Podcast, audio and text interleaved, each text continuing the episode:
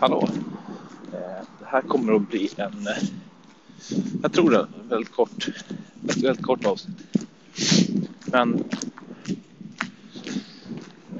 jag vill bara eh, prata om vikten av att vara nyfiken. Eh, Det är så många som hör från någon någonting.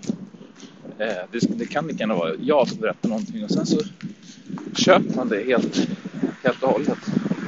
Att så här så här gör man eh, i sociala medier. Så här måste du göra på Facebook för att du ska nå fler så här. Det gäller att hela tiden vara nyfiken. Att faktiskt gå in på Facebook någon gång i veckan. Titta runt på inställningar. Testa att klicka. Se vad som händer. Eh, testa att lägga upp ett inlägg. Så du kanske skriver kort inlägg med en länk till en video.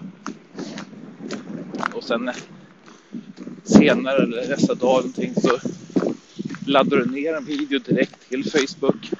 Laddar upp den. Kanske skriver ett längre inlägg. Och så kollar du på datan.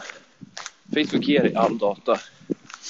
Titta på vad är det som, hur många personer når jag? Alternativ 1, 2, 3 och 4. Vad är skillnaden? Och så här, det är så här man testar, det är så här man lär sig.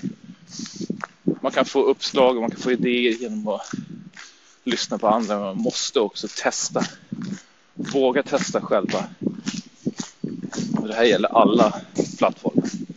Instagram, eh, Snapchat, LinkedIn, alla olika typer av sociala medier som, som du är på.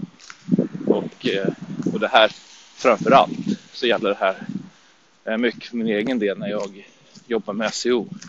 Det gäller att testa bara. Testa, testa, testa. Och jag struntar i om någon säger att det här, här funkar inte. När jag vet att det funkar. Det kan vara st stora byråer som säger till mig att nej men det där, är, det där funkar inte. Det, så där funkar det inte alls. En av de sakerna är sociala medier. Jag hör det jätteofta. Och eh, jag vet hur viktigt det är med sociala medier kopplade till din hemsida. Så var nyfiken. Och eh, jag lovar att du kommer lära dig, du kommer förstå allting mycket bättre också. Eh, så att fortsätt att vara nyfiken. Eh, ja, det var allt för idag. Ha det bra. Hej då.